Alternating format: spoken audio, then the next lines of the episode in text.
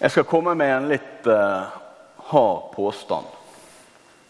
Det er at um, 20-30% av oss som er her, kommer til himmelen. Mm. Det er oddsen, nemlig. For uh, placeboeffekt, det virker på 20-30 Bare du tror at du blir frisk, så uh, blir du det. Ja, 20-30% av oss. For det var vel kanskje det Jesus kom og sa, var ikke det det? At uh, den blinde mannen, han trodde nok. Han trodde hardt nok, og da ble han frisk. Troen din har frelst deg. Jeg eh, står selvfølgelig ikke for de ordene. Men eh, kanskje noen av oss gjør det. Dette er en veldig, veldig flott fortelling. Og den blir brukt mye på søndagsskolen. Og forteller om hvor god Jesus er, og hvordan han hjalp folk. Men denne fortellingen har så utrolig mange lag. Vi kan se det på synsvinkel fra den blinde. Hva får han egentlig høre? Hva er det han oppfatter? Kommer Jesus fra Nasaret forbi? Jesus fra Nasaret. Ikke han eh, ikke han Messias? Ikke han Davids sønn? Tilhører ikke han kongeslekt? Er det ikke penger å hente her for en tigger? Her har jeg en mulighet. En kjendis med masse folk rundt seg. Hvis jeg roper høyt nok, så må kjendisen med kongelig status Han må nesten stoppe opp med meg han kan ikke koste på seg og, ikke få god publisitet. Han må da kunne gi meg noe almisser. Er det det han i utgangspunktet tenker? Det vet ikke vi. Men det vi vet, det er at han griper en enorm sjanse når han først står hos Jesus. Han har ropt seg rød i trynet for at Jesus skal høre han. Og Jesus kaller han til seg. Hva kunne den blinde mannen sagt når Jesus stiller spørsmålet hva vil du jeg skal gjøre for deg? Så kunne han ha sagt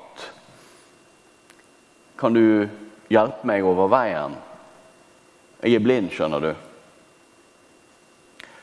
Jeg eh, trenger noen kroner som eh, gjør at jeg kan klare meg i dag. Så hadde han fått det. Men han gjør ikke det. Han går eh, det vi sier på godt norsk all in. Han eh, klasker til og sier det han virkelig ønsker. Kan jeg få synet mitt tilbake? Og han får det. Han tar en eh, sjanse, denne her blinde mannen. Eh, fordi at han hadde et eh, trygt yrke. Hadde ikke han det? Selv om han var blind, så hadde han noe han kunne markedsføre i tiggingen sin. Det er Jeg har sett en film som heter 'Life of Brian' med Monty Python. Og den, eh, Der gjør de litt sånn stort poeng ut av dette. Der er det Jesus som helbreder en, eh, en som har eh, Ja, han er spedalsk. Og Egentlig så ber den spedalske bare om litt penger, men Jesus gjør han frisk. Og han blir rasende. rasende for at han tar fra han yrket. Hva skal jeg nå leve av? Og Selv om det er en kanskje litt sånn hard latterliggjøring, så er det et poeng. Fordi at eh, jeg tror det er mange av oss Vi har eh, våre begrensninger. Vi har eh, våre stengsler. Og så har vi gjort oss vant til å leve med dem. Og så ønsker vi kanskje egentlig ikke å bli satt fri fra stengselet. For da åpner det seg plutselig nye muligheter. Og det vet jeg ikke om jeg er helt klar for. Jeg har et banalt eksempel. Jeg har dårlige knær.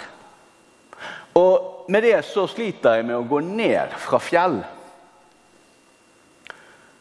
Så da går jeg heller ikke opp på fjell. Og du kan si at ja, Det er jo en stakkars Erlend. Bor på Sunnmøre. Og kan ikke gå på fjelltopper, stakkars. Nei, men jeg syns nå egentlig det er litt en god unnskyldning i alle fall, for å slippe å gå på fjell. Så kan jeg kose meg med mine dårlige knær på sofaen. Og sånn er det.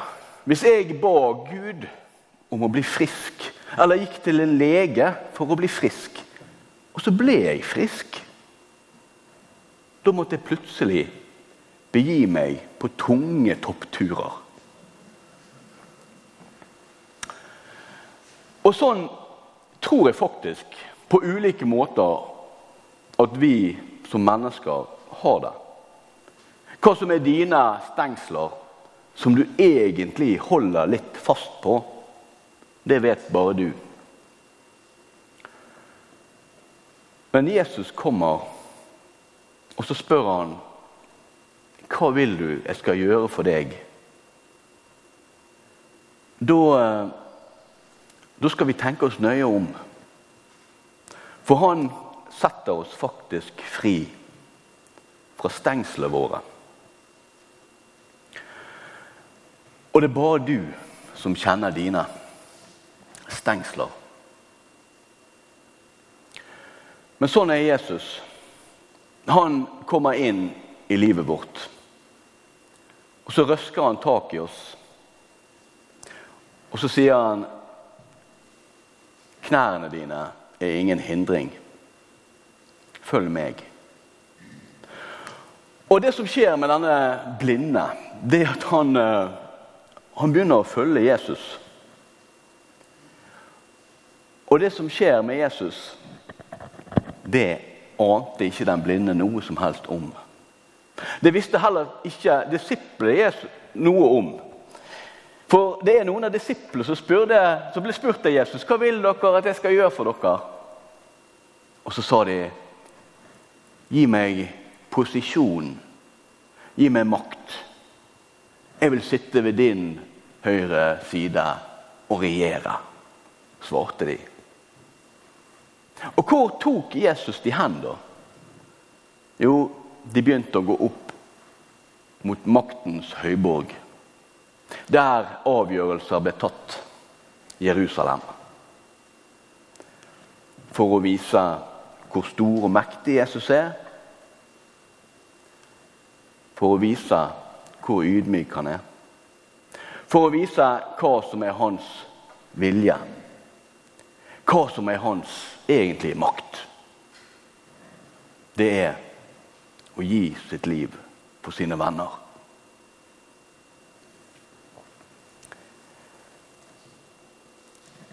Jeg eh, tenker at han blinde han hadde hatt det mer komfortabelt, kanskje, i Jeriko. Men han valgte å følge Jesus. Han fikk se hvem han var. Troen din har frelst deg, sier Jesus. Eh, men placebo, da? Virker placebo mot blindhet? Virker placebo mot spedalskhet? Virker placebo mot døvhet? Jeg vet ikke. Men det vi vet, det er at Jesus gjorde mennesker friske.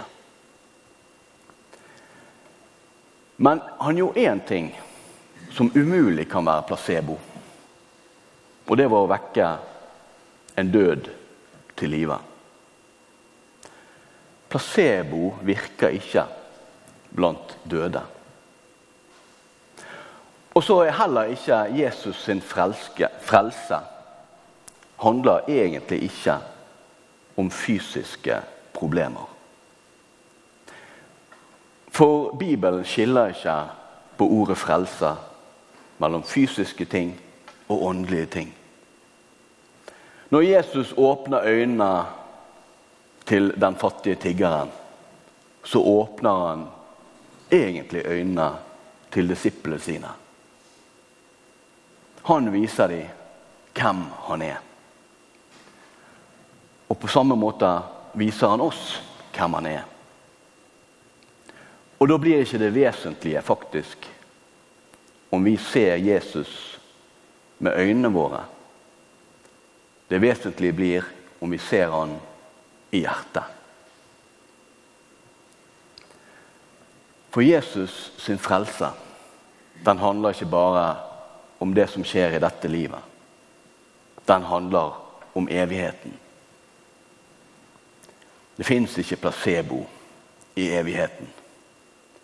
Bare troen kan frelse oss. Og så vidt jeg vet, så er det 100% dekning. Troen frelser fullt og helt. Ikke bare 30% men alle. Hver den som tror. Der Jesus er, der er Guds rike.